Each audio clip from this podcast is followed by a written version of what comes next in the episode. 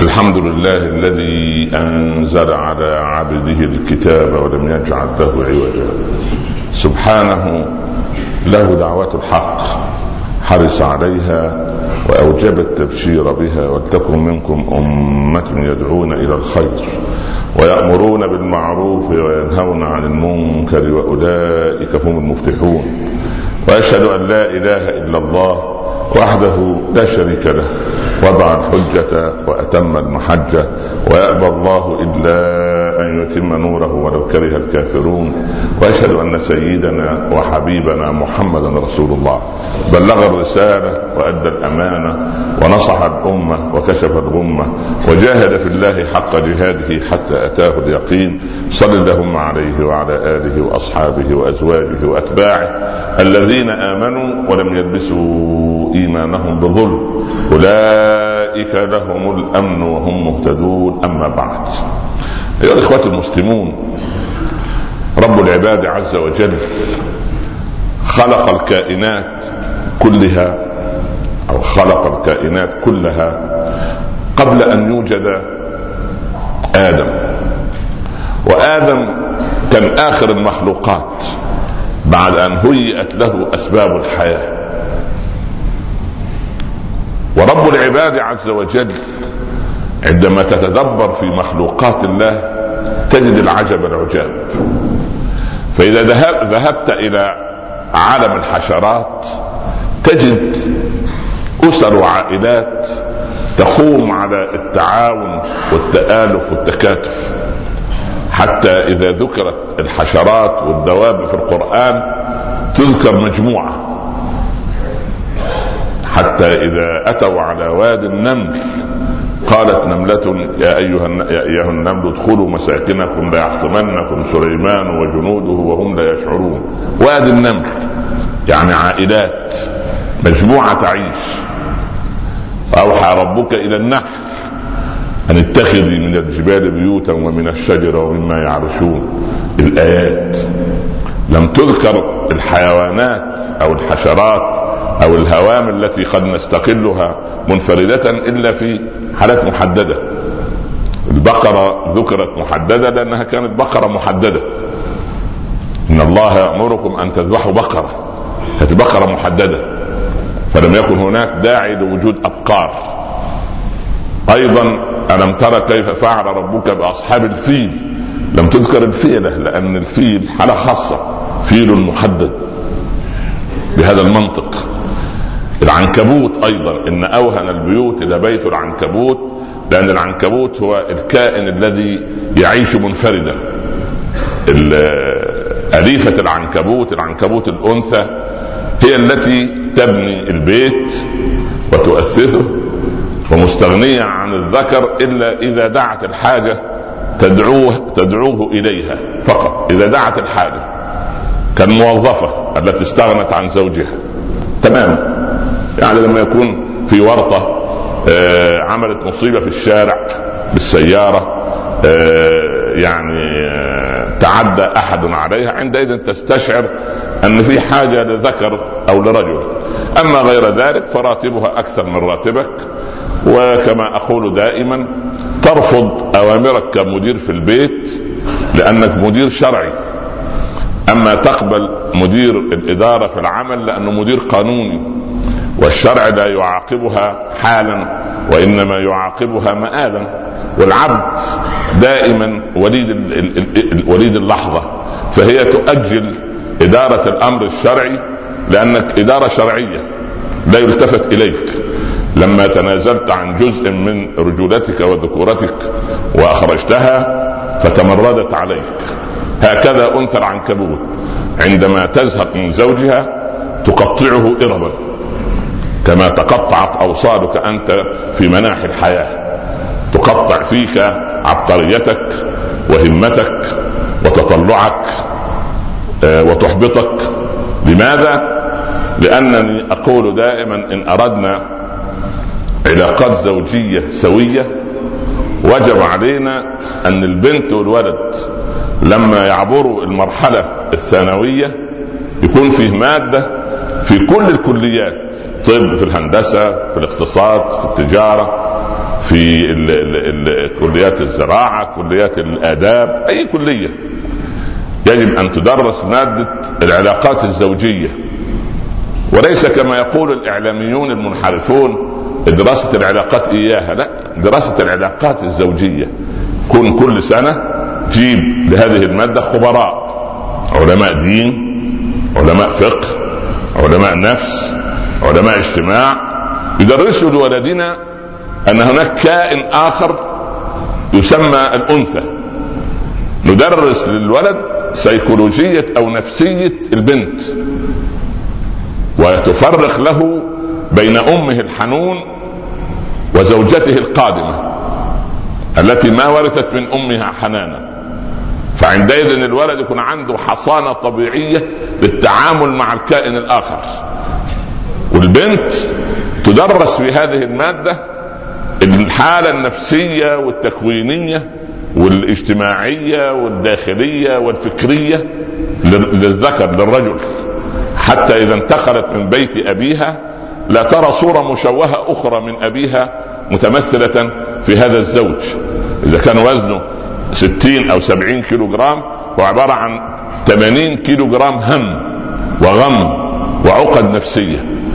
فلما يحدث الزواج بعد الأربع سنوات يكون فيه معرفة مسبقة بالآخر. نحن إذا أرسلنا أبناءنا إلى دولة آه، للحصول على إجازة معينة أو تسجيل دراسات عليا تشترط الآن الدول إجادة معينة ودرجة معينة من إجادة لغة القوم. فالألمان يطلبون إجادة في اللغة الألمانية والفرنسيون كذلك والأستراليون كذلك وكل دولة تريد أن آه، تقبل ولدك عندما يصل إلى درجة معينة من إجادة اللغة. طب بالله عليك تنتقل البنت إلى بيت كما قالت آه، دون دراسات في جامعات عالمية آه، زوجة عوف بن محلم الشيباني. أي أين قالت هذا الكلام؟ متى؟ قالته من 1600 عام. 1600 سنة. ما درست. ولكن درست فطرة صافية سليمة نبتت في صحراء العرب صحراء القيم وأرض القيم وأرض المقومات الطبيعية منظومة القيم الأساسية. قالت لابنتها يا بني لو كانت المرأة تستغني عن الرجل لكنت أنت أغنى الناس. لأن أب أب أبو البنت زوج آه، يعني هذا آه، عوف بن محلم زعيم في قومه رجل مليونير ملياردير رجل ذو حيثية يشار إليه بالبنان. فقالت إن كان في استغناء للبنت عن أو المرأة عن الرجل كنت أنت أولى الناس لأن أنت ماذا ينقصك؟ أبوك رجل محترم رجل ذو حيثية منصبه الاجتماعي مكانته الاجتماعية زعمته لقومه ماله الذي يغطينا هكذا. لكنت أنت أولى الناس لكن الرجال للنساء خلقوا ولهن خلق الرجال. سبحان الله. انظر إلى المرأة العاقلة. يا بنيتي سوف تنتقلين إلى بيت إلى عش لم تعرفيه وقرين لم تألفيه بيت جديد جدران جديدة بيئة جديدة أم زوج والد زوج. اذا تريد أن تؤهلها لأنها لن تذهب إلى هناك لترى أباها الذي يتغاضى عن عيوبها ولن ترى أمها. التي سوف تحول عيوبها إلى حسنات إلى عش لم تعرفيه وقرين لم تألفيه. مكان جديد بيئة جديدة ثقافة جديدة فكر جديد. إذا لو درس لأبنائنا وبناتنا في مراحل المتوسط ومرحلة الجامعية استعداد لأخطر شيء لأن لما يصير يعني من سنتين كان في الدول العربية بعض الدول كان كل ست دقائق حالة طلاق. في بلد عربي معروف كبير له قيمته كل ست دقائق. الآن كل دقيقتين حالة طلاق في الساعة 120 حالة طلاق أو 30 30 حاله طلاق كل سبحان كل ساعة. يعني اضرب 30 حاصل ضرب 30 في 24 شوف آخر الأسبوع يعني من الجمعة الماضية التي خطبناها لكم وهذه الجمعة انظر كم طلق في بلاد العرب. لماذا؟ لأن إحنا ما أسسنا القواعد. إحنا جايبين مستوردين سبحان الله كتب كما هي. الأولاد يدرسونها. ما درسنا نحن معشارها. ورغم ذلك الولد والبنت بعد أن يستقيء الإجابات على دفتر الإجابات وأوراق الإجابة يقطع صلته تماما بالمنهج. ما علق بذهنه شيء لأن عبارة عن شيء يعني علم تلقيني لا قيمة له. لكن لو علم تعليمي يعرف الولد إحصائيات الزواج في بلادنا وإحصائيات الطلاق ولماذا يكون الطلاق كل هذه الأساسيات البنت لا تأتي إلى بيت زوجها معقدة ولا تفاجأ بإنسان عبارة عن مجموعة آه، أمراض أو أو بيئة متحركة موجودة في قوام يسمى زوج. ويأتي المأذون ليوثق يبتسم البعض أو لا يبتسم ثم بعد ذلك تأتي لحظات البكاء والندم على سوء الاختيار. ليس سوء الاختيار هو سوء التربية والإعداد. فإن أردنا أن نعد يعني بيوت ليست كبيت العنكبوت نحن نريد بيت النمل. نرتقي إلى أن نصير نملا. هل تعرف عن النمل؟ ان عنده كيس يساوي أربعة أخماس المعدة. في احتياطي مادة سكرية. يعني النملة تستعين بها إذا جاعت. إذا جاءت نملة أخرى لتقاتلها قبل المقاتلة قبل حلبة القتال عندها قرون استشعار. ان استشعرت النملة المهاجمة المقاتلة أن هذه النملة كيسها المخزون اللي عندها فاضي غير مليء لا تقاتلها تعطيها من كيسها الأول فتطعمها ثم تقاتلها. هل تعرف أمريكا هذا هذا الخلق النملي؟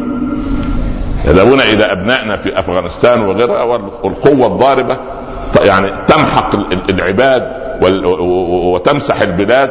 يعني أخلاق النمل ما ارتقى الإنسان في عصر المدنية إلى مستوى النملة.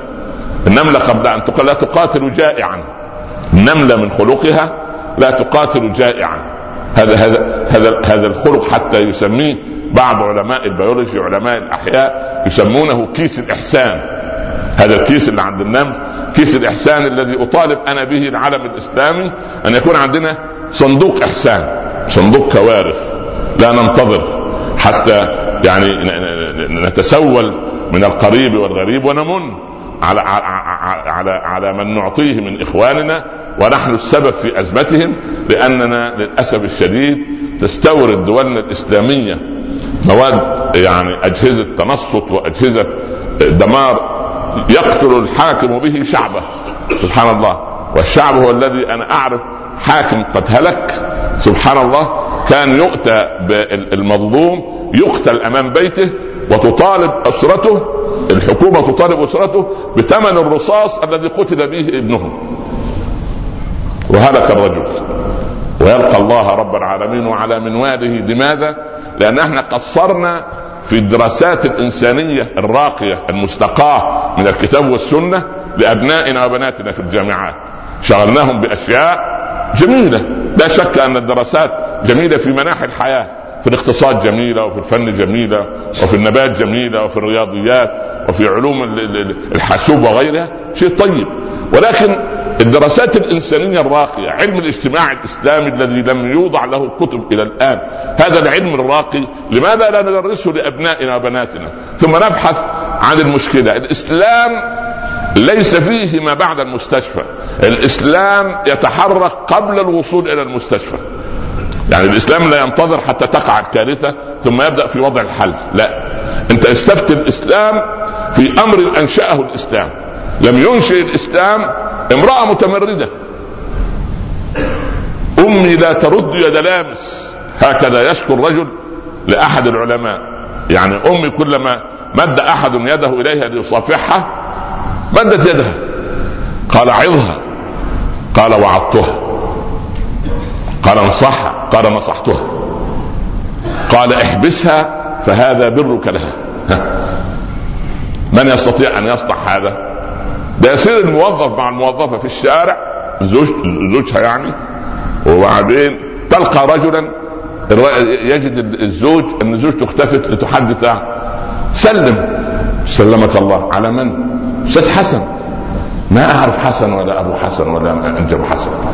فيتعد والله لو خرج أبو لهب أو أبو جهل دخل هؤلاء عرب. هؤلاء فيهم جينات العروبة فيهم سبحان الله العظيم. هل سمعت في التاريخ أن أم جميل حماله الحطب؟ كانت تلبس بنطلون ستريتش سمعت هذا؟ ابدا والله ما قرأت في التاريخ هذا. هل سمعت أن أمية بن خلف أحد المغضوب عليهم والذي دخل النار أنه استأذن أبا لهب مرة وقال له يا أبا لهب هل تأذن لي أن تراقصني أم جميل؟ ها؟ والله ما سمعنا. يا أخي والله هؤلاء عرب أقحاح ما دخلوا الإسلام لكن كانت في دمائهم الغيرة. قصيت عليكم بعد انهيار الاتحاد السوفيتي 89 سنة 90 كانت روسيا تعاني ضنكا. وفي حديقة حيوان موسكو راهن أحد الجياع من زوار الحديقة صاحبا له. قال له ما رأيك؟ تدخل يدك داخل القفص. وتضع يدك على رأس النمرة أليفة النمر وأليفها زوجها يعني النمر جنبها وأعطيك مئة روبل. الرجل ينظر إلى النمر وينظر إلى بطنه بطنه خاوية والنمر نائم في حالة هدوء. وضع الرجل لأنه يريد المئة روبل على رأس النمرة فأكل يده النمر حفاظا على أليفته. حيوان واحد بس في التاريخ. يجد لذة إن وجد أنثاه مع ذكر آخر. عزكم الله الخنزير فقط. وأنت فيك ذكاء المؤمن. حتى الحيوانات فيها الذكي وفيها الغبي. النمل في باحث أمريكي جاب قطعتين وغطاهما بمادة محلاة بالسكر. قطعة ألومنيوم وقطعة حديدية. قطعة معدنية كده. قطعة ألومنيوم خفيفة قطعة حديد. دهن كل القطعتين بالسكر. جاءت نملة وجدت الطعم الجميل ذهبت إلى الجحر وهو يراقبها وجاءت معها بثمانية أفراد. حملوا قطعة الألومنيوم فقدم قريبا منها قطعة الحديد. اقتربت منها وجدتها ثقيلة. ذهبت وجاءت بثمانية أو سبعة وعشرين آه سبحان فردا من الخلية يعني جاءت بثلاثة أضعاف العدد ليحملوا قطعة الحديد. وكثافة الحديد ثلاثة أضعاف كثافة الألومنيوم فسبحانك يا خالق. هذا ذكاء. أغبى حيوان الخرتيت. الخرتيت لما يجد في الغابة أي شيء يتحرك شجرة فرع إنسان حيوان يدخل فيه. فلما يدخل فيه يجد هباء ويعود بعد ثانية فإن وجد يتحرك مرة أخرى نسي أنه دخل فيه هباء فيدخل مرة أخرى. يبدو أن فيه ناس خرتيت الطبع عنده غباء مستحكم يعرف أن هذا ليس علاجا لزوجته يصر عليه. وهي من غباء تصر أن هذا هو العلاج. أن تتنصت عليه. وسبحان الله العظيم الدول دول العالم بتنفق على التنصت. يجي يتعلموا من نساء المسلمين ما شاء الله عندهم قدرة على التنصت ولا قرون الاستشعار عن بعد. نسأل الله أن يفهمنا علاقاتنا بزوجاتنا وعلاقات زوجاتنا بنا وأن يربي أولادنا على كتاب وسنة وأن يردنا إلى إسلامنا ردا جميلا حسنا. أقول قولي هذا وأستغفر الله لي ولكم. أحمد الله رب العالمين. وأصلي وأسلم على سيدنا رسول الله صلى الله عليه وسلم. أما بعد أحبتي في الله لماذا لا يبدأ كل واحد منا دراسة جدوى حقيقية لإسعاد نفسه وأسرته. ليست السعادة ابدا أن تجهد زوجتك في عمل لا يعود عليك إلا بالنكد وبالتباعد ولأن زوجتك الزوجة العاملة أقل يعني اهتماما بالرجل لأنه تستطيع أن تستغني عنه. لما غابت الرجولة استأسدت الأنوثة استنوق استأسد الحمل لما استنوق الجمل هذه كارثة كبرى. يعني قضية سيدنا موسى مع البنتين قضية عجيبة بس إحنا نمر عليها مرة الكرام. وأكررها أنا كثيرا ولكن يبدو أن المستمعين جيدين في الحضور لكن ليسوا جيدين في التأسيس والاستنتاج والاستنباط ثم التنفيذ. لما وجد أمة من الناس يسقون قطعان لها رعيان رعاة الرعاة رجال. فوجئ الكريم وهو الناشئ في البيئة المصرية العجيبة في قصر فرعون أن وسط هذا القطيع وسط هؤلاء الرعاة راعيتان أو وجد راعيتين. وجد من دونهم امرأتين. امرأتين عجيب. وجد المرأتين انظر التعبير من دونهم. يعني من دونهم؟ لما شاركت البنتان في إرواء القطيع الذي يخصهما تنحتا جانبا من دونهم يعني إيه مش داخلين في الازدحام لا إنما متأخرات من دونهم امرأتين تذودان تعمل إيه يعني؟ يعني تجمع شتات القطيع حتى لا يخترع بالقطعان الأخرى فتضطر للذهاب إلى منطقة فيها رجال. يعني اذا هو الخروج بحساب ولضرورة. لما فوجئ الكريم جينات الرجولة الحقيقية تعمل. قال ما خطبكما؟ ما المصيبة التي أخرجتكما؟ ما الكارثة التي ألجأتكما إلى هذا الاختلاط؟ ما هي المصيبة الحقيقية ما خطبكما قالتا في نفس واحد مع بعض لا نسقي يعني لا تظن بنا سوءا فنحن لا ندخل في الإيه؟ في الازدحام. حتى يصدر الرعاء. لما بقية الرجال يأخذوا يسقوا القطعان الأغنام ويتوكلوا على الله. لأن حتى يصدر الرعاء يعني ممنوع الاختلاط. وأبونا شيخ كبير. ما معنى هذا؟ أن لما يغيب العائل تضطر تعمل من يسقي لهما؟ فماذا صنع؟ فسقى لهما ثم تولى إلى الظل. قال رب إني لما أنزلت إلي من خير فقير. لما عاد إلى البيت أمانة البنت مع الأب يقص كل التفاصيل. بنت عندك تغلق الباب والولد لا تدري بمن يتصل والنت والشات وال... ونسأل الله السلامة. وربنا يحفظ أبناءنا وبناتنا من كل مكروه وسوء. ده إذا تصادف أنك وجدت في البيت فرأيته. المهم فسبحان الله العظيم جاءته إحداهما تمشي على استحياء. قالت إن أبي يدعوك ليجزيك أجر ما سقيت لنا يعني هل هذه البنت لو موجودة في 1432 2001 في آخر 2011 ميلادية هل سوف تتصل بالشيخ عمر تقول له السنة عندي مؤتمر عن فن الإيقاع في شمال كندا. هل يجوز لي أن أسافر بدون محرم مع رفقة آمنة؟ بالله عليك. لو كان أبو حنيفة لمات أو دخل قبره مرة أخرى. سبحان الله. ومن الرفقة؟ الأستاذ منير والأستاذ عبد الله والأستاذ أبو فلان وأبو فلان. فتسمع عجبا. لا تسألوا الإسلام في شيء لم ينشئه الإسلام. لا تحرجونا ما في داعي تسأل الشيخ في أمر الإسلام لم يضعه. الإسلام وضع قانون عام. حتى الإمام أحمد أسقط عن المرأة التي ليس معها محرم. حج الفريضة قال قال ربنا لمن استطاع إليه سبيلا وهي غير مستطيعة لعدم وجود المحرم. وتسمع أسئلة طب يا شيخ أصل رايحين نزور صديقتنا ودي مسافة قريبة دي ساعة بالطائرة وسبحان الله والعبرة أن الأمان والأمن يا خلاص لا تستفتي. لما تروح تخلي زوجتك تسوي خلاص لا داعي لإحراج الشيخ ولا داعي لوضعه وضع العقده أمام في المنشار. ما ينفع. هذا هذا لا يصير سبحان الله. فإن أبي يدعوك كلام واضح ليجزيك أجر ما سقيت لنا.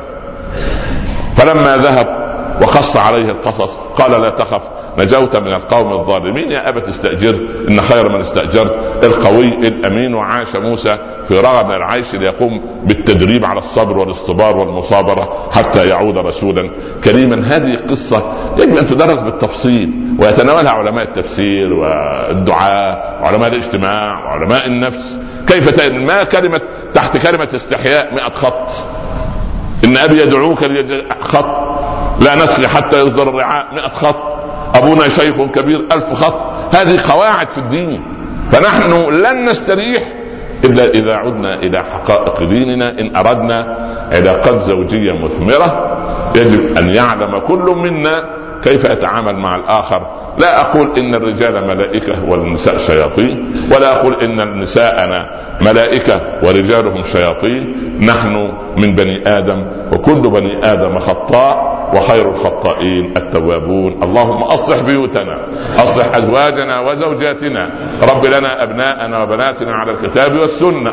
اللهم ارزق بناتنا بأزواج صالحين وأبناءنا بزوجات صالحات. واغفر لنا وارحمنا وأنت خير الغافرين. اجعل هذا البلد آمنا مطمئنا. سخاء رخاء يا رب العالمين. اللهم احقن دماء إخواننا في أرض الإسلام يا رب العالمين. في فلسطين والعراق. وفي الشام وفي ليبيا وفي اليمن وفي السودان وفي مصر. وفي كل أرض تعبد فيها في أفغانستان وفي كل مكان تذكر فيه يا رب العالمين أوقع الظالمين في الظالمين والكافرين في الكافرين وأخرجنا من بينهم سالمين واختم لنا منك بخاتمة السعادة أجمعين وصلى الله على سيدنا محمد وعلى آله وصحبه وسلم يا رب تسليما كثيرا. بسم الله الرحمن الرحيم والعصر. إن الإنسان لفي خسر إلا الذين آمنوا وعملوا الصالحات وتواصوا بالحق وتواصوا بالصبر. صدق الله ومن اصدق من الله قيلا. نكمل حديثنا بعد الصلاة إن شاء الله وأعتذر منكم وأستأذن الجمعة القادمة إن شاء الله وألقاكم بإذن الله الجمعة التي تليها. وأقم الصلاة قوموا إلى صلاتكم يرحمكم الله. أحمد الله رب العالمين وأصلي وأسلم على سيدنا رسول الله صلى الله عليه وسلم أما بعد. ركيزة السلام العالمي هو سلام الإنسان سلام الإنسان مع نفسه ثم سلامته وسلامه في بيته. فإن لم تسلم المرأة من أذى زوجها ويسلم الرجل من أذى زوجته فلا سلام في العالم. مش قضية مرتبطة بأربعة جدران وسقف لا. فإذا تحولت بيوتنا إلى بيت العنكبوت تصير كارثة. العنكبوت كارثته أنه عنده قناعة ان عنده بيت. مصيبة العنكبوت وغبائه أنه مقتنع أن له بيت يستره. وكل اللي رايح واللي جاي شايف العنكبوت ولا لا يرى العنكبوت؟ شايفه لأنه بيت واهن موضوع في أي ركن من الأركان. هو يظن أنه داخل شيء مستور. ما الذي يحدث في بيوتنا اليوم مشابهة لبيوت العنكبوت؟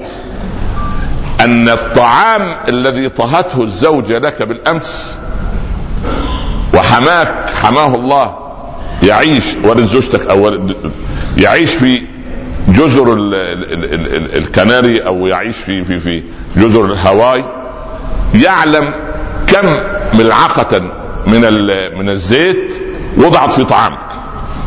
بعد ساعة من ربما قبل أن تأكل. يبقى ده بيت عنكبوت ولا بيت مسلم؟ تظن المرأة أن دي مش أسرار. إيه يعني لما أمي سألتني طبخت إيه اليوم؟ من كثرة كلامنا كثر إخراج أسرارنا. وأصبح اليوم من تواجد العاملين والعاملات مع بعض من التعود صار الكلام سهلا. كلام أصبح سهل. يا مؤمن عنتر العبسي رجل يعيش قبل الإسلام ويترجم الخلق العربي واغض طرفي ما بدت لي جارتي حتى يواري جارتي مأواها. يعني يظل واقفا أمام الباب لا يدخل. خشية أن يصيب جارته سوء. ويغض الطرف عنها. إلى أن يطمئن أنها دخلت في محضن أبيها أو أمها أو زوجها. شعر بمسؤوليته عن الأمن الاجتماعي في الشارع وهو جار والجار له حق والرجل لم ينزل عليه قرآن ولم يلحق كتاب الله عز وجل حتى يدرك كيف تكون الرجوله بهذا الأسلوب نحن من كثرة تعاملنا بالله عليك موظف مع موظفة كلاهما صالح ولا نشك في أحد. كل يوم في وجه بعض بعد التعود عرف أن ابنها الثالث متعثر في مادة الحساب لأن المعلم اللي عنده يعطيه درسا خصوصيا بكذا والولد لا يستجيب ولذلك هي هتدخله كلية كذا وليس كلية كذا. هذه الزوجة العاملة لا ترى أن هذا سر. إيه يعني ما يقول لك؟ إحنا بندردش مع الأستاذ عبد الله والأستاذ عبد الله نفسه بيدردش. انت مالك يا أم فلان؟ اليوم دول مهمومة فلاحظ همها. فالتعود ده مصيبة كارثة. في الحديث جاء الفضل بن عباس. شو الفضل بن العباس بن عبد المطلب ها؟ عايز فضل أكثر من هذا؟ الرسول لما أوصى صلى الله عليه وسلم من يغسلني؟ قال رجال من آل بيتي. كان من ضمن هؤلاء من؟ الفضل. ماذا صنع جاء في حجة الوداع فوجد امرأة بجوار النبي صلى الله عليه وسلم. سفعاء الخدين على هم مهمومة عندها أولاد أرملة. فجعل الفضل يصوب نظره فيها. فالرسول صلى الله عليه وسلم لم يقل للفضل كلاما وإنما عمل حركة بلغة البدن كما يقولون. وضع يده الشريفة على خد وجه الفضل وأزاحه الناحية الأخرى. خلاص؟ راح دماغ الفضل رجع مرة أخرى. راح الرسول أزاحه مرة أخرى. المرة الثالثة العباس جالس. قال آذيت ابن عمك يا رسول الله. قدام الناس تحرجه وتعمل وجهه كده. قال عليه الصلاة والسلام خشيت عليه الفتنة. ها نوديها فين دي؟ ها في أي بورصة تنفقها؟ ها ورد في الحديث وإن كان في سند شيء أن شاب جاء وجد امرأة تقوم من جنب النبي صلى الله عليه وسلم كانت تسأله فالشاب جلس في المكان اللي فرغ فأقامه النبي صلى الله عليه وسلم من الناحية اليمنى وأجلسه في الناحية اليسرى تفهمي من دي خشي عليه لاعب الشيطان. دفء المكان. الله يرضى عن أحمد بن حنبل. لما خرج في يوم شاتي يوم برد شديد رياح وبغداد. اللهم سكن أهل بغداد يا رب وأعد بغداد إلى أهلها. يا رب والعراق كلها وكل بلاد الإسلام يا رب إن شاء الله. فالهواء شديد فأزاحت الرياح ثوب امرأة تسير أمام الإمام. إمام العراق كله إمام المسلمين إمام أهل السنة رضي الله عنه. فلما أزاحت الثوب وقعت عين أحمد على خلخال المرأة. الحلقة إياها اللي تضعها في إيه؟ في رجلها ماذا صنع الإمام؟ وضع عباءته على وجهه. وقال عشت يا أحمد حتى ترى زمن الفتن. والله ولا تعليق. ولا علق لك ولا غيره. خليك انت علق براحتك انت وزوجتك وانت مروح. سبحان الله. وأنا عارف هتمشي الآن وتروح تشتري أغراض. وعينك ما انت أخ لنا فاضل عالم جليل أخذوه في مكان ما في أمريكا. ففي مول من المولات كل السلالم زجاجية. عامل زي غرف يرى ظاهرها من باطنها وفوقها ما تحتها. بس دي كارثة. فالرجل ينظر إلى اسفل شايف النساء اللي امامه على على السلالم طلع في المرأة تحت لا بص لفوق يرى النساء أنفسهن. بص يمين فقال المرافق يا ابني عيني تروح فين؟ قل لي لا إله إلا الله. روحني الفندق يا ابني لا إله إلا الله. فالكارثة الكبرى إننا لم نعود أبناءنا يعني إيه غض البصر؟ والله من تعود غض البصر أطلق الله له بصيرته. جربنا جرب من اليوم قل ان شاء الله أنا سوف أتعلم وأعود نفسي غض البصر. بفضل الله سبحانه وتعالى. سوف تجد لك إيمان حلاوته تستطعمه على لسانك. تجد بصيرتك ترى بنور الله عز وجل. وقلت لك من قبل عن حاتم رضي الله عنه لما ذهب مع تلميذ له بعد صلاة الجمعة جماعة أهل كرم يا إمام أنت مدعو عندنا على الطعام. راح. سيدنا حاتم بعد ما اكلوا جاءوا طبعا لا كان في صنابير ولا غيره إبريق ماء يصبونه ويغسلون بالشنن والصابون. فبعد ما خرجوا قال تلميذ حاتم يا شيخ ليس من المروءة أن تصب النساء أو الجواري الجاريات على أيدي الأغراب من الرجال. يعني المريد شاف مين؟ اللي صب قال حاتم والله يا بني آكل في هذا البيت منذ عشر سنوات. كل جمعة رجل يقسم أن كل يوم يأخذنا عنه. لا أدري الذي يصب على يدي رجل كان أم امرأة. حاتم نفسه كان تلميذ عند شقيق البلخي 30 سنة. وقبل ما يعطيه شقيق الإجازة عشان يروح يعظ في قبيلته طرق حاتم بيت أستاذه شقيق. شقيق يتوضأ. قال لزوجته افتح الباب. ودي يمكن المرة الأولى والأخيرة لشقيق طلب من زوجته هذا لأن ما عندهمش كده. افتح يا بنت افتح يا لا ما ينفع اللي يفتح من؟ عبد الفتاح. صح. عبد الفتاح اللي يفتح. خلاص؟ عايزين نسترجع القيم. حتى المرأة تستشعر. الله. هو سيدنا علي رضي الله عنه لما يجد فاطمة تستاك ويغار من سواكها من عود الأراك أليس هذا يكبر حجم علي عند زوجته؟ أتغيب يا عود الأراك بثغرها؟ ما خفت يا عود الأراك أراك؟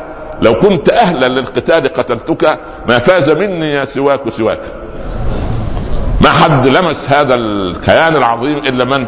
هذا السواك الذي أمر به أبوها صلى الله عليه وسلم.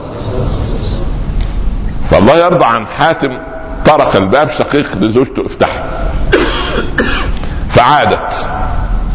من بالباب؟ قالت صاحبك الأعمى. شقيق يراجع مين؟ صاحب الأعمى مين؟ من؟ قال والله ما عنديش صاحب أعمى. فخرج وجد حاتم. قال تفضل. ظنتك زوجتي لا ترى. يبقى حاتم لما راح 29 سنة يزور شق أستاذه. ماذا رأت زوجة شقيق من صديق زوجها؟ رأت إيه؟ رجل يغض البصر. لا سبحان الله العظيم. لا تدري أن الرجل ده مبصر غير مبصر. طب أين هذا؟ هل هذا صعب؟ قد تقول أنت إنه صعب لكن عود نفسك. عود نفسك. التي تسير أمامك عارية معذرة. ما لك بها؟ هي عارية هي عرت نفسها. لها أب لها زوج لها ما, ما, ما لك. لكن بفضل الله عز وجل إذا غضضت بصرك أطلقت بصيرتك. طيب نعود إلى ما كنا يعني نتشاكس فيه على الإيه؟ على المنبر. في شكاوى جاية يقول الشيخ شديد علينا هذه الأيام. التربية شيء والتعليم شيء. وأنتم لأنكم أهل فضل. يقال لكم كلام لا يقال للاخرين ليه؟ لأنكم أقرب الناس اليه بالله عليك لو دخلت كما قلت لك من قبل وجدت ابنك اللي في الصف التاسع ولا العاشر وابن الجيران أو زميله كلاهما يدخن. تضرب من؟ ها؟ آه. تنصح من في البداية؟ تحذر من؟ توبخ من؟ هل لأن ولدك أنت تكرهه أم أنك تحبه زيادة سبحان الله. سيدنا لقمان وإذ قال لقمان لابنه وهو يعظه يا بني قال يعني وهو يعظه؟ وإذ قال لقمان لابنه يا بني لا تشرك بالله ليه وهو يعظه لأن يعظ دي فعل مضارع يعني مش يعظ اليوم وينسى الموعظة 20 سنة إنما الوعظ إيه؟ استمرار استمرار. ولما يقدم الموعظة يقول يا بني هذه الموعظة. وقلت لك من قبل قصة هذا الرجل الذي وعظ أبا جعفر المنصور في قضية النيران اللي فوق الكعبة. وقلنا لكم القصة وكيف دخل عليه مدخل جميل وكيف أن أبا جعفر أنهى المسألة بموعظة حسنة. لأن الإنسان ضد الأمر. بالله عليكم. الله أمرنا بالصبر أم بالجزع. أمرنا بإيه؟ بالصبر. طب النتيجة جزعنا أم صبرنا؟ قال الحسن البصري إن الإنسان عدو للأمر والله لو أمرنا بالجزع لصبرنا. لو نزلت النصوص لما توصل لك مصيبة قطع الثياب والطم الخدود وخبط في الأمام لا هصبر. طب كم سنة وأنا أقول لك غض البصر؟ ها؟ كم سنة؟ سنوات. غضيت يعني انت عايز أقول لك لا تغض عشان تغض ما ينفعش. يا أخي والله ال ال النكتة السوداء التي تنقط داخل القلب نتيجه النظره انه سهم من سهم ابن سهم. وإن لم يكن حديثا لكن هو عباره فعلا عن سهم. سبحان الله. يعني هذا هذا كذا وهذا كذا تتفرغ بك الأشياء. فنعود إلى القضية قائلين. نحن نريد ألا نخرج أبناء وبنات كما كنا نحن. لا. لا نريد رجلا يفهم الولد اللي تخرج هذا ونزوجه. لا نريد أن يفهم القوامة كما فهمها جده. جده فهم القوامة قوة وغطرسة وضرب وإذا لا ليست هذه القوامة هكذا. بل كان أجدادنا دون تعليم أفضل منا رغم تعليمنا. احتواء وكان يعود إلى البيت كما قلت في حلقة يوم الأربعاء عن المرأة العاملة ال ال ال يعود إلى البيت يشعر بالانتصار لأنه راجع إلى السكينة راجع إلى الهدوء راجع إلى الاحتواء راجع لأنه إيه؟ في العمل بيعمل موظف بسيط عنده 700 مدير. الأستاذ رئيس القلم ونائب المدير ونائب رئيس القسم ورئيس القسم ورئيس الأقسام والمدير والمدير العام والمدير اللي غرق والمدير اللي راح في سبحان الله. والسيد وكيل أول الوزارة ووكيل عام الوزارة ونائب رئيس وكيل الوزارة كل دول اوامر متى يستشعر قيمته؟ ها؟ لما يرجع بيته. أول ما يدخل. ها؟ يعني يدك فاضية. ده يا شيء. فين؟ الراجل عين مسكين. يقول لزوجته هو كل شيء. هات هات هات. ما فيش عندكم خد خد الجهاز صلحه. لا إله إلا أنت. فهاتت وهو يستشعر صغره. لكن أول لو الزوجة من الزوجات الصالحات تستوعب أهلا وسهلا. كيف كان يومك؟ بخير الحمد لله. إن وجدت أن الرياح شمالية شرقية خفيفة إلى معتدلة تكمل الحوار. رأت أن الأعاصير بتاع أوكلاهوما وما وراء الكاريبي تهدى شوي. الرجل بطبيعة السيكولوجية بتاعته لما يكون مهموم ومتعب يحب ينسى الهموم كلها ما يحبش حد يكلمه عن الهموم. المرأة غير ذلك دي تركيبة مش ليس شتائم مش شتائم يعني دي ده وصف وصف ده حقيقة يعني. يعني طبيعي أمر طبيعي. الراجل لما يحب يعني يحزن يحب ينزوي. أغلب الطلاق حالات الطلاق اللي تجيني؟ يقول لك سيدنا الشيخ على الباب. داخل هو غرفته وغلق عليه عشان مش عايز يسمع. اخرج الآن وكلمني هي قرارات الأمم المتحدة يقول لها طيب إن شاء الله. الصباح رباح. هي اللي عندها لا صباح. يعني ولا المهم يعني ولا مساء. يعني خلي بالك أنت؟ المهم هو عايز ينام متعب مجهد وهي مش مراعيه هذا. وكل الأوامر عليه وعنده أخطاء في العمل وحول للشؤون القانونية وخصم من راتبه وهدد بالفصل. يراجع نفسيته محطمه فيريد منها كلمة. كلمة طيبة. طب إن شاء الله ربنا يشرح صدرك توضأ كده وإن شاء الله. لا تنام لا ابدا لا تنام وأنت غضبان ابدا. هدي نفسك كده. ده الانسان دورة دموية لما يسمع منها كده. والله حنون عليه. تبتدي تعمل رصيد عنده. لا أخرج الآن. الآن. الآن. لا إله إلا أنت سبحانك الآن هو الآن. سبحان ربي أخواننا المصريين. وقلق خلاص. يروح فاتح الباب. عايزه إيه؟ واصل ما كلمتني خلاص مع السلامة. لا إله إلا أنت. ونبتدي نتدخل الأب يتدخل والعالم يتدخل وخلاص ولا تساعة من دم فالرجل إذا حزن وجب على وعلم هذا لبنتك. ارجع اليوم بالله عليك بنتك اللي كبرت بيت في الثانوية العامة في الجامعة قول يا بنتي ويعني إياك أعني وإيه؟ واسمعي يا جارة. يعني كلم بنتك لأن بنتك جزء ما هتسمع كلامك يعني. خلاص ما أنت لازم تدور على حد يسمع كلامك. صح ولا لا؟ برضه ابحث يمكن تلاقي إن شاء الله بإذن الله يعني لن تعلم بإذن الله. خلي بالك. ف ولا بنتي إن شاء الله أنا أفهمك شيء. لما ربنا يكرمك وتتزوجي بإذن الله الرجل يا بنتي لما يكون غضبان لا يريد أن يكلمه أحد. معروف كده صحيح. سيكولوجيا علميا علميا نفسيا. سبحان الله. يريد أن يتقوقع. ولا تخرج الشرنقة من القوقعة أو من الشرنقة قبل إنضاجها. خليها لما يهدى الأول. شيخنا رحمة الله عليه كان له شيخ يهوى تربية دودة القز طلع الحرير. ابنه عنده سبع سنوات. رأى أنت عايزة تخرج من الشرنقة عشان تتحول إلى فراش. فتعاني. الولد حن قلبه أن المعاناة الشديدة لخروجها من الشرنقة ففتح لها الشرنقه ماتت. ليه ماتت؟ لأنه هي بتعاني بتتخلص من جميع السموم التي في جسدها. فتخرج منها معافاة. فهو عجل والسموم ما زالت إيه؟ داخلة. فخلي سموم الهم. الكلام للزوجة يعني. تأكل في الزوج إلى أن يهدأ. بعدين يطلع كده مبتسم. نرى أسنانه ونكتب حدث في مثل هذا اليوم. سبحان الله. ان رأت أسنانه يضحك لكن هي على أول بأول. أول ما ينفعش.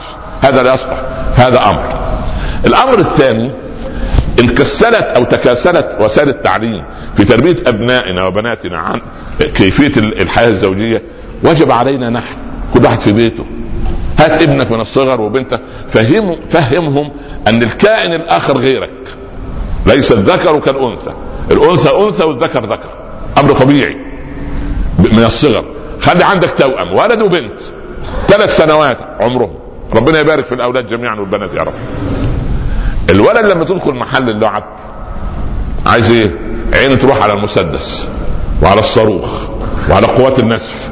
وهو ماشي حتى الولد وهو رايحين المدارس الولد ينزل ماسك حجر نازل الدار لا إله إلا أنت سبحانك عدواني بس المين الله أعلم. المهم عدواني خلي بالك أنت. البنت أول عايزة دمية تحتضنها. دبدوبة صغيرة تنام جنبها على الوسادة. خلي بالك أنت. طبعا بعد ما خلص يعني هو التماثيل يا عمي الله يرضى عليك البنت دون سن البلوغ الله يفتح عليك. يعني المهم فلعب الأطفال ما فيها شيء إن شاء الله. فهذه طبيعتها. صحيح طبيعة البنت في قيم الجمال تغيرت. يعني زمان وإحنا على من, خم... من نصف قرن كانوا لما يعملوا دمية يعملوا دمية شكلها جميل وعينيها جميلة وشعرها يعملوا شعر مستعار جميل. الآن عزك الله ادخل اتفرج على الدنيا اللي عند البنت. انت لو شفتها بالليل تخاف. البنت حتى القبح في تذوق الجمال بعين واحدة مش عارف يقول لك اللعبة بتاعت سلاحف النينجا. سلاحف سبحان الله ده شايل على ظهره الغطا بتاع عزك الله الصرف الصحي لا حول ولا قوة إلا بالله. تشم من الدنيا رائحة. لا إله إلا الله.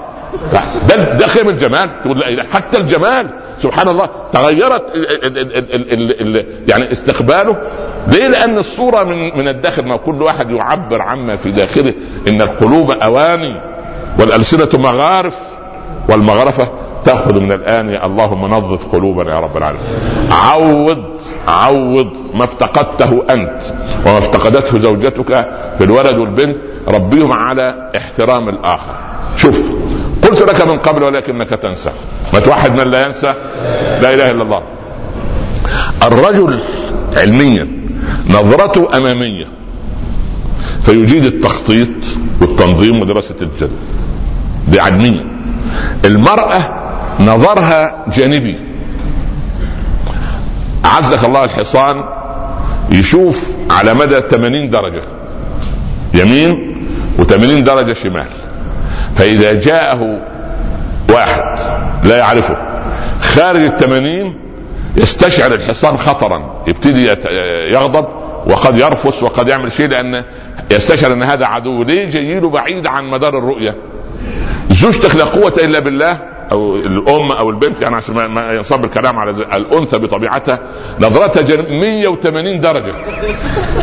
ثلاث تحصنه خلي بالك يعني يعني شوف على مدى المستقيم. فهي نظرتها ده, ده علم هذا علم ما نتكلمش أحسن تاخذ الشيخ بيسخر من لا. فهي لا تنظر إلى الأمام بدليل وقلت لك من قبل. خذها اليوم في زيارة أخوك. وهي تدخل تقعد مع زوجة أخوك جوه أو عمك أو خالك وأنت اقعد معها بره خلاص؟ هي مرت على الممر مر الكرام وأنت قعدت أنت في المكان نفسه. وأنتوا راجعين بدري تقول لك أبو محمود نعم. الإخوان الكرسي اللي أنت كنت قاعد عليه. نوع الخشب مش أصلي. أنت ده تقول له هو أنا كنت قاعد على كرسي أصلا. أنت خدت بالك من كرسي ولا؟ نظرتك أمام مالك أنت جاي تزور الراجل وازاي الحال وبخير وقد تقول لك الثريا اللي كانت فوق دماغك فيها نوع من الذهب عيار يعني 14 ولكن فيها لمبة من الناحية الثانية كانت مش مضاءة. هذه تفاصيل. طب بلاش بلاش بلاش, بلاش دي ولا دي. ولا يا أم فلان. روحي مع جارتنا هي تفهم في الإيه؟ في, في, في السوق أفضل منك. اشتروا بس إيه؟ سجادة صغيرة كده متر في مترين. يروحوا يرجعوا. لا والله إحنا خدنا فكرة عن السوق الأسبوع القادم إن شاء الله إيه؟ يعني الأسبوع اللي بعد. فين السجادة؟ لا أصل فيه هم ساكنين في دبي. في في راس الخيمة سجاجيد خلي أقل 17 درهم. وياخدوا السيارة. يطلعوا رأس الخيمة. يدفعوا 120 درهم بترول ويجيب لك أقل ب 17 خلي بالك. تعال أنا وأنت نشتري السجادة. وإحنا ماشيين كده. أه سجادة. خد السجادة ادفع سجادة. هي كده هي كده إحنا مش فاهمين دي. إحنا مش عايزين نفهم دي. لا والله هذه ليست سخرية. هذه حقائق. كلامك عن طبيعة التصرفات والسيكولوجية والسلوكيات لكلا للطرفين. هي دقيقة التفاصيل. أنت أبو فلان مش هتقعد مع أبو العروسة كده بتاع البنت الولد عشان ولو مات تروح تتكلم مع الراجل كلمات طيبة وكلمتين والعريس آه، قاعد جنبه خلاص بعد ما ترجع تسألك أسئلة وأنا أثق أن السي آي إي لا يعرف. لا يعرف. ان يسال والولد كان لابس إيه؟ كان لابس يعني لابس يعني لباس قومه. يعني ما يعني إيه يعني؟ آه، يعني كده سينيهات يعني ممهورة بختم آه، آه، أرمني رضي الله عنه يعني موجودة كده يعني لازم يكون يعني الأول. طب والحذاء مين؟ والله ما عارف انه لابس حذاء لابس نعل حافي شراب بجورب من غير. تسأل في التفاصيل. أنت لا تقلق من التفاصيل هذه طبيعتها. طبيعتها. الله انت مش بتشوف مش كل الفضائيات تحولت إلى الشف فلان والشف فلان. والشفة فلانة. المهم يعني ما بين شف وشفة. بعد كان مثل عربي قديم يقول بين حانة ومانة ضاعت لحانة. ها؟ عربي؟ عربي. بين حانة ومانة ضاع عارف أصل المثل؟ أقوله لكم الأسبوع اللي بعد الجاي إن شاء الله. واحد تزوج زوجتين. آه انشرح صدرك أنا. واحد عنده زوجتين. حانة دي الزوجة الأولى. ومانا الزوجة الأخيرة. حانة دي عدت الخمسين ومانا دي في العشرينات. خلي بالك. فيروح عند حانة تجد في لحيته شعرا أسود. تقول له عيب يا راجل في السن ده. وشعرك أسود. فتخ... إيه؟ تنتف له الشعر الايه ده عشان يصير لحيته إيه؟ زي حالات كده بيضاء. خلي بالك أنت. يروح عند مانا مانا دي إيه؟ في العشرينات. إيه ده؟ شعر أبيض. تشيل له الايه؟ زيارة من هنا لهنا بين حانة ومانا ها؟ ضاعت لحال المهم ما علينا خلينا إحنا إيه؟ خلينا فأنا أريد أن أقول لك القضية تحتاج إلى إعادة دراسة للطرف الآخر. والله يا مؤمن لو جلست مع الناس تكتشف أن فعلا لا حد فاهم ده ولا ده فاهم ده. المرأة تفصيلية الحدث. تقول لك في اجتماع مجلس الإدارة عملت إيه؟ ابدا اتفقنا الحمد لله على القسمه والنسب وإحنا خدنا 20% وفلان 30 وفلان 50 وفلان لا لا لا لا. ابتدي المو... مين بدأ الكلام؟ فلا تقلق من هذا. لا اشرح صدرك. وأعطي اجابات ولا تسخر منها. عندئذ تشعر أنك تهتم به. لكن أنت على طول فورا أنت ما تفهمش شيء. أنت كمان هتدخلي في الشغل. يا ستي خليكي بس أنت في طبخك وفي عيال لا. هذا تقليد نحن نريد أن نحترم كل واحد منا الآخر حتى تسير المركب إلى بر السلامة. لا لنا ثلاثة سنة من صالح الدعاء. نلقاكم إن شاء الله الجمعة بعد القادم بإذن الله. والسلام عليكم ورحمة الله تعالى وبركاته.